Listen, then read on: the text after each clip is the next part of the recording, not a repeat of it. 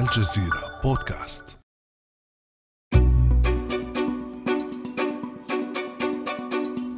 يوم طويل شهدته تركيا لكن المعركة لم تنتهي. قال الناخبون كلمتهم واختاروا ممثليهم في البرلمان لكن انقسامهم الشديد سينقل السباق الرئاسي إلى جولة ثانية. لا مفاجآت فهذا ما كانت تتوقعه أغلب استطلاعات الرأي. في هذه الحلقة نقدم لكم مستمعين قراءة في نتائج الانتخابات التركية. كيف صوت الأتراك؟ وكيف كانت أجواء الاقتراع وردود الفعل؟ وإلى أي مدى يمكن أن تختلف النتائج النهائية؟ وماذا عن تركيبة البرلمان المقبل؟ بعد أمس من الجزيرة بودكاست أنا روعة أوجي.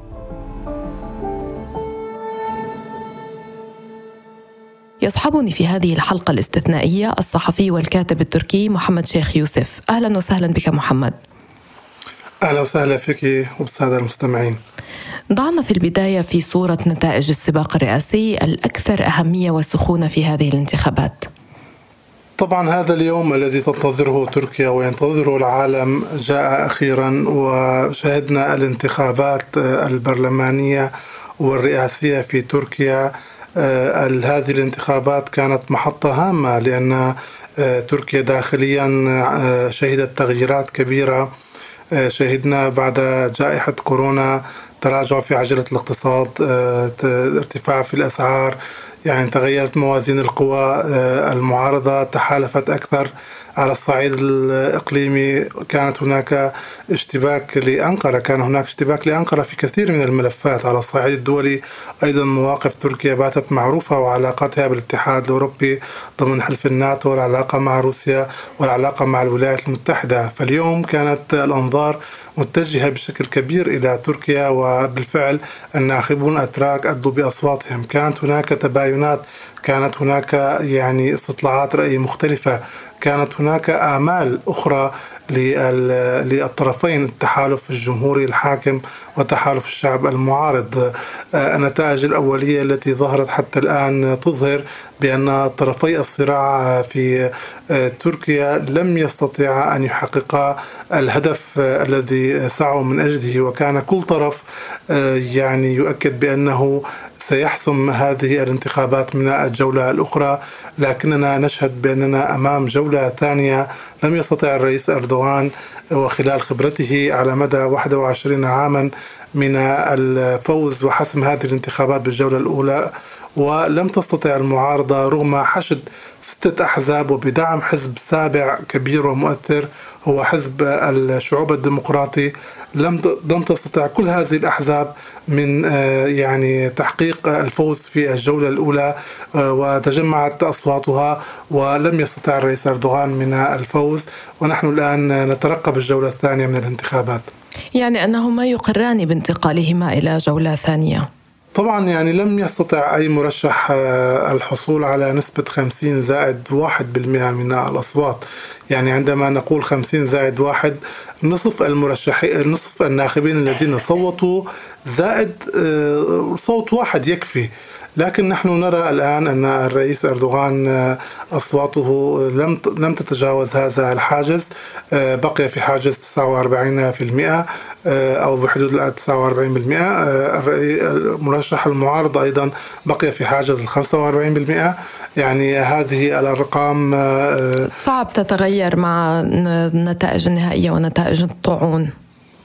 نعم النتائج النهائية أيضا ستظهر ذلك أكثر لكن عامة في تركيا النتائج الأولية لا تتبدل بشكل كبير. يعني لو كان هناك الفارق ربما عشرات الآلاف من الأصوات لكان هناك إمكانية للانتظار والنظر في الطعون لكن نحن نتحدث عن فوارق كبيرة. هناك فرق بين يعني كمال كلشتاروغلو وأردوغان بقرابة ثلاث ملايين صوت. أردوغان أيضا بحاجة ربما مليون صوت أو أكثر لتجاوز هذا الحاجز وبالتالي آه، الجولة الثانية هي الطريق الأوضح بالنسبة للمرشحين آه، ونحن نترقب الثامن والعشرين من الشهر الجاري لإجراء هذه الجولة من الانتخابات طيب ماذا عن نتائج المنافسة على مقاعد البرلمان؟ كيف كان أداء كل من تحالف الجمهور المساند لإردوغان وتحالف الشعب المعارض؟ آه، في البرلمان أيضا يعني المعارضة آه، يعني كان لديها سقف عالي جدا في البرلمان لكي تنفذ وعودها يعني وأبرز هذه الوعود تغيير النظام الرئاسي في البلاد والعودة إلى النظام البرلماني. لكننا نحن اليوم أمام مشهد لا يحقق هذه التطلعات والفارق أن الانتخابات البرلمانية لن تعاد الإعادة ستكون فقط للانتخابات الرئاسية. آه، هناك تراجع ملحوظ لحزب العدالة والتنمية في البرلمان. آه، كان آه، يعني في الانتخابات السابقة يحظى بقرابة 42% من الأصوات. نحن اليوم نجدها على عتبة 36% هناك تراجع هناك ارتفاع طفيف لدى حليف حزب الحركة القومية. وهناك المفاجأة التي ربما أنا أعتقد أنها يعني مفاجأة بأن حزب الرفاه من جديد آه، حقق يعني قرابة 3% من الأصوات آه، وهذا أمر جيد يعني آه، ضمن التحالف الجمهوري ومفاجأة. على صعيد المعارضة يعني تحالف الشعب حزب الشعب الجمهوري لم لم يحقق زيادة في أصواته. الحزب الجيد هناك تراجع طفيف. الحزب الكردي الذي دخل الانتخابات باسم حزب اليسار الديمقراطي آه، عفوا اليسار الأخضر لم يحقق أيضا النسبة التي حققها في الانتخابات السابقة. إذا تحالف الشعب آه، وحتى بدعم من آه، الحزب الكردي لم يحقق الأغلبية في البرلمان. التحالف الجمهوري أيضا يعني له الأغلبية لكنها ليست أغلبية تتجاوز 50% نحن أمام برلمان مقسم وانتخابات رئاسية تذهب إلى الجولة الثانية من الانتخابات. إذا فاز الرئيس أردوغان في هذه الجولة آه، ربما سيكون له معاناة داخل البرلمان إلا إذا يعني حصلت آه، استقالات من الأحزاب واستطاع أن يضم آه، نوابا من الأحزاب الأخرى. وإن وإن فاز كمال كليشداروغلو أيضا لن يستطيع عمل شيء لأن لأنه فاقد الأغلبية ضمن هذا البرلمان. طيب لنركز على نتائج بعض المناطق والفئات في تركيا. كيف صوتت المدن الثلاث الرئيسية؟ إسطنبول وأنقرة. وإزمير؟ اسطنبول وأنقرة وأزمير آه، يعني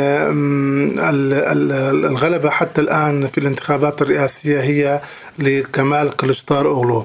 آه، وإن كان هذا الأمر بشكل واضح في مدينة أزمير وهذا أمر آه، لا ليس غريبا يعني على الناخبين الأتراك لأنه معقل العلمانية الأتاتوركية الكمالية في أزمير.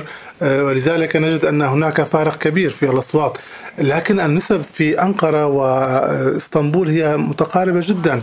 يعني في إسطنبول على سبيل المثال آه، نجد أن كرجدارولو في حاجز 48% بينما رجب طيب أردوغان في حاجز 47% آه، إذا نظرنا إلى العاصمة أنقرة أيضا نجد أن هناك آه، يعني المرشحين متقاربين جدا والفارق بينهما بسيط. كلاهما حقق 46 بالمئة لكن الغلبة لكليشداروغلو أما في إزمير آه، آه، إزمير يعني معروف آه، الفارق كبير جدا. كمال كليشداروغلو عنده حاجز 63% والرئيس التركي عنده حاجز 31% فالمدن الكبرى يعني حسمت لصالح كليشداروغلو وأعتقد أن هذا هو السبب الذي أدى إلى يعني تراجع الرئيس رجب طيب أردوغان. نعم يعني الرئيس أردوغان آه، فقط حتى الآن أكثر من 3% من أصواته. وأعتقد أن هذه المدن الكبرى هي التي تشعر وتعاني آه، من الأزمة الاقتصادية التي برأيي هي السبب الرئيسي التي أدت إلى تراجع آه، أصوات الرئيس رجب طيب أردوغان خلال هذه الانتخابات. طب ماذا عن مناطق الزلزال؟ كيف صوت سكانها؟ يعني مناطق الزلزال بأغلبها كلها صوتت لصالح الرئيس رجب طيب أردوغان. يعني آه، باستثناء آه، ولاية هاتاي آه، أنطاكيا. وهو نسبة متقاربة جدا في هذه الولاية.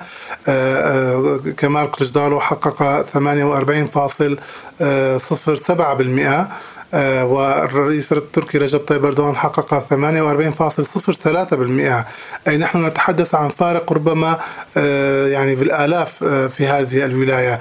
باستثناء آه، ولاية هاتاي وفيها مدينة أنطاكيا آه، فإن بقية الولايات التي حصلت فيها زلازل يعني وأبرزها مثلا ولاية قهرمان مرعش غازي عنتاب كيلس أوسمانيا أضيمان كلها صوتت لصالح ملاطيا كلها صلح صوتت لصالح الرئيس رجب طيب أردوغان وبنسبة كبيرة. معروف أن هذه المناطق هي حاضنة شعبية للرئيس رجب طيب أردوغان وخلال بعد كارثة الزلازل يبدو أن ناخبو هذه المناطق آه، أعادوا تجديد العهد بالرئيس أردوغان بعد الوعود التي قطعها لهم وخاصة آه، بناء منازل خلال عام وتسليمها لهم آه، بأقصى سرعة وإنهاء حالة يعني النكبة التي يعانون منها جراء هذه الزلازل طيب ماذا عن أتراك الخارج؟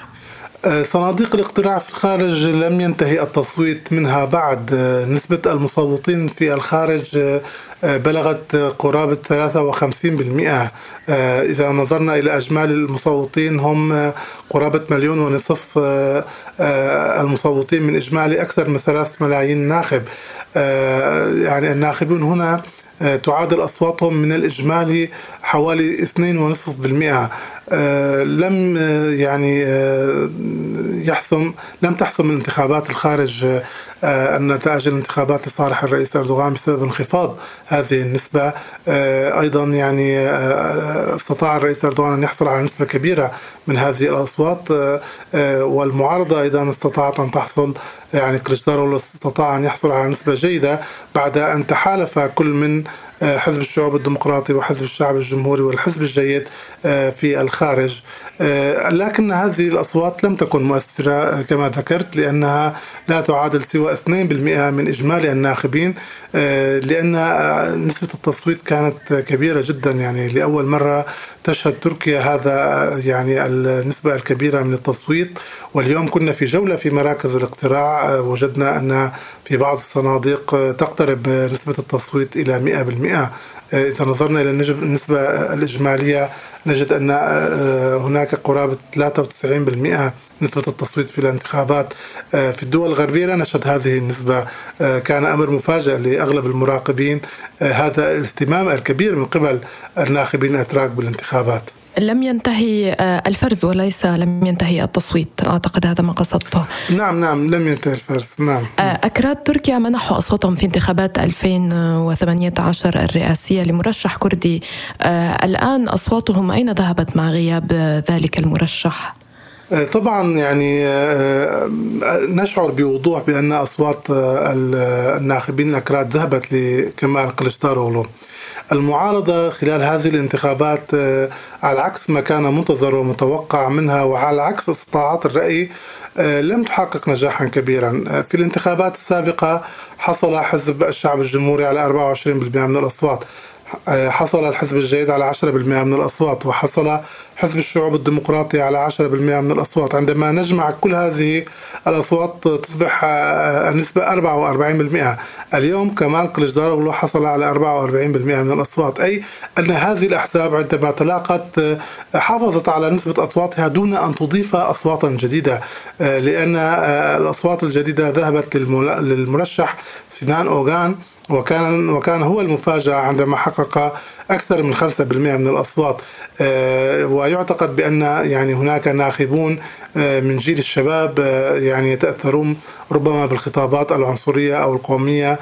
صوتوا لسنان وغان وأيضا يعني الغاضبون من كمال قلجدارولو والمؤيدون لمحرم إنجا أيضا ربما قسم منهم صوت لسنان أوغان.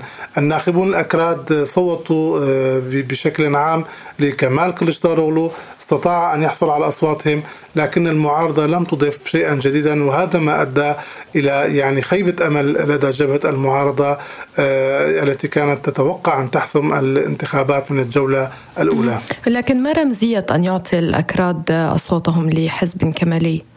يعني هناك ربما مفاوضات جرت بين حزب الشعب الجمهوري وحزب الشعوب الديمقراطية آه، آه، عقب إعلان تحالف المعارضة تثميت كمال قلجدار أولو آه، مرشحا رئاسيا وجرى لقاء بالفعل بين كليشدارولو وزعيمي حزب الشعوب الديمقراطي مدحت سنجار وبرفين بلدان في أنقرة ضمن البرلمان. وبعد ذلك بدأت تصدر تصريحات من حزب الشعوب الديمقراطي بدعم كمال كليشدارولو مقابل تحقيق بعض يعني المطالب منها. الإفراج عن يعني زعيم حزب الشعوب الديمقراطي السابق صلاح الدين دمرطاش من محبسه وهو يواجه تهم بالإرهاب.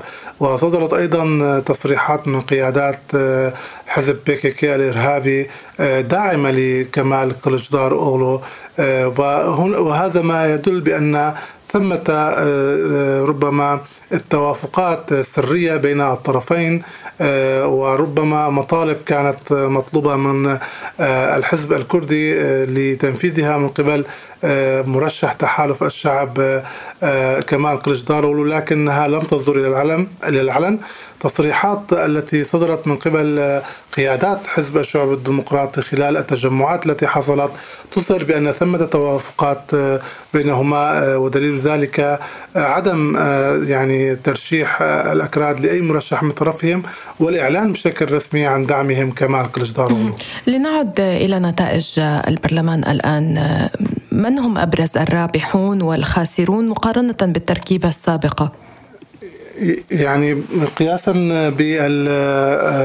بنتائج البرلمان السابق نجد أن أكبر الخاسرين من الواضح أنه يعني حزب العدالة والتنمية يعني انخفض عدد نوابه بشكل كبير. يعني أنا أعتقد أن هناك قرابة 30 مقعد برلماني فقده حزب العدالة والتنمية.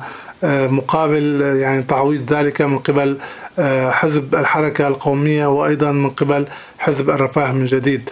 آه، حزب الشعب الجمهوري آه، يعني زاد مقعدا واحدا. الحزب الجيد لا يوجد هناك تغيير. طبعا بعد يعني هذه النتائج الأولية التي نتحدث عنها بعد اكتمال مرحلة الاعتراضات تتضح النتائج أكثر. لكن أبرز الخاسرين هو حزب العدالة والتنمية لأنه لأن أصواته انخفضت بشكل كبير آه، والتحالف الجمهوري كان في البرلمان السابق يمتلك أغلبية تمرير القوانين آه، آه، فقد هذه الأغلبية. إلا إذا حصلت يعني صدرت النتائج النهائية ربما تحصل انشقاقات داخل تحالف الشعب من قبل بعض الأعضاء ويتم استقطابهم وجذبهم إلى التحالف الجمهوري. يعني لدينا إذن ثلاث تحالفات رئيسية الجمهور بقيادة حزب العدالة والتنمية تحالف الشعب بقيادة حزب الشعب الجمهوري وتحالف ثالث يقوده حزب الشعوب الديمقراطي الذي يحسب على الأكراد. وأيا كان الفائز في الجولة الثانية لن يكون هناك رئيس مقبل لتركيا يمتلك أغلبية في البرلمان وبالتالي هناك تعقيدات من ناحية آه، الوفاء بالوعود الانتخابية صحيح؟ صحيح هذا من ناحية المبدأ لأنه كما ذكرت لأن آه هذه التركيبة الحالية ربما تتبدل آه يعني عندما تحصل استقطابات لأن حزب الشعب حزب الشعب الجمهوري يضم بين صفوفه وبين قوائمه عدد كبير من ممثلي أربعة أحزاب حزب السعادة حزب دواء حزب المستقبل والحزب الديمقراطي. آه، وهؤلاء ربما تحصل بينهم انشقاقات ويعودون لحزب العدالة والتنمية أو يتحالفون معهم. ربما تحصل ضمن الحزب الجيد نفس الانشقاقات. آه، لكن يعني كل هذا يبقى مرهون بصدور النتائج النهائية ومعرفة نتائج الانتخابات الرئاسية. ربما فوز مرشح في الانتخابات بالجولة الثانية. يدفع بعض النواب للانضمام إلى التحالف الجمهوري أو العكس وعندها يعني ربما تتبدل تركيبة البرلمان. خصوصا من جهة كتلة الشعب كونها ليست كتلة متماسكة أساسا على عكس يعني الكتلتين صحيح صحيح. يعني هناك ستة أحزاب بأيديولوجيات مختلفة أحيانا و نعم. صحيح توجهاتها مختلفة فيها القوميون والعلمانيون والأتاتوركيون والإسلاميون. يعني هناك خلافات ظهرت في بعض المراحل لكن ما كان يجمعهم هو الفوز بالانتخابات. ربما لو كنا شاهدنا فوزا للرئيس أردوغان يعني فوزا صريحا لشهدنا خلافات تظهر إلى العلن لكن الجولة الثانية أجلت هذا هذه الخلافات ونترقب الجولة الثانية من أجل معرفة هذه النتائج. على مستوى الأجواء في يوم الاقتراع الساخن هل تم رصد توترات عند بعض المراكز وهل تحدث أي طرف عن خروقات أو تجاوزات تؤثر على نزاهة العملية الانتخابية؟ يعني خلال الاقتراع لم يحصل أي توترات كما يعني في السنوات السابقة يعني حتى أن وزير الداخلية قال عدد الحوادث آه، الأمنية انخفض بشكل كبير هذا العام. كان يوما هادئا لم تكن هناك توترات آه، آه، يعني حصلت بعض التوترات عند فرز الأصوات في بعض الصناديق محدودة كانت لكن تم التدخل من قبل محامي كل الأحزاب لحلها. ويعني أنا تجولت في المراكز الانتخابية كانت عمليات الفرز تسير بشكل طبيعي وبشكل جيد. الآن المعارضة فقط بعد صدور النتائج شككت بصحتها وطالبت أن يتم إدخال جميع الأصوات وصدور القرار النهائي. وبخلاف ذلك لم يكن هناك أي شيء نغص العملية الانتخابية. ماذا عن ردود الفعل إجمالا سواء من الأحزاب في الداخل أو من أطراف خارجية؟ يعني في الداخل لم يعلن أي طرف نصره بعد الآن. كان هناك آه، بعض الاحتفالات من الطرفين. يعني آه، التحالف الجمهوري احتفل آه، بكسر الحاجز النفسي كان هناك ضغط كبير ويعني محاولة تضليل مرسد في الداخل بأن تحالف الشعب سينجح وقرش داره سيحقق نتيجة كبيرة. وتحالف الشعب كما أيضا أنصاره فرحوا لأنهم منعوا من فوز الرئيس أردوغان من الجولة الثانية. كانت هناك ردات فعل من المعارضة تتعلق بمسألة فرز الأصوات وارتفاع أصوات أردوغان مقابل تراجع أصوات قلجدار لكن الهيئة العليا للانتخابات أفادت بأن عمليات الفرز تتم دون بطء وكل شيء يسير على ما يرام. وننتظر أن تصدر ردات فعل لاحقة عند صدور النتائج النهائية. في الختام متى سنكون أمام صورة نهائية للسباق الرئاسي؟ وما الذي تتوقعه على المستوى الشخصي؟ يعني الآن آه، المرشح سنان أوغان يعني هو آه، سيكون المرشح الأوفر حظا ل آه، يعني يرفع من سقف مطالبه خلال الجولة الثانية. وأعتقد أن التحالف الجمهوري وتحالف الشعب سيجريان مباحثات معه لكنه وضع بعض الشروط التي تصعب من التحالف بين الطرفين. يعني قال أنه لا يريد أن يرى تحالفا مع الإرهابيين. قاصدا حزب بي كي كي الإرهابي آه، نعم آه، وممثله حزب الشعب الديمقراطي. وبنفس الوقت هو يطالب بترحيل السوريين آه، من سوريا. وهذا الأمر لا يعني لا يرحب به حزب العدالة والتنمية والتحالف الجمهوري. قد تحصل هناك مفاوضات بين الطرفين لكسب رأيه لكن أنا أعتقد أن الرئيس أردوغان سيستطيع أن يحصل على النسبة المتبقية بعد كسر هذا الحاجز النفسي وعودة الثقة له ولجمهوره. وأيضا ربما نشهد خلال الأيام المقبلة آه، بعض الأحداث الاقتصادية التي تساهم في تعزيز دعم الشعب للاستقرار أكثر آه، كما حصل في العام 2015 عندما آه، لم يستطع حزب العدالة والتنمية حسم الانتخابات البرلمانية بنسبة كافية. فحاول تشكيل حكومة ائتلافية وفشل بذلك لكنه ذهب لانتخابات لإعادة الانتخابات بعد ثلاثة أو أربعة أشهر واستطاع أن يحصل على نسبة عالية بعد أن استشعر المواطنون بخطر حصول التوترات السياسية في البلاد وعدم حصول الاستقرار السياسي. نحن أمام أيام مقبلة وأسبوعين ربما آه، سنشهد فيها استمرار لحالة الانتخابية هذه وتنافسا آه، وأنا أعتقد أن الرئيس أردوغان بعد حصوله على هذه النسبة آه، سيستطيع أن يحصل على ما تبقى له من الأصوات ويحسم الانتخابات لصالحه. الصحفي والكاتب التركي محمد شيخ يوسف شكرا لك. كان هذا بعد أمس.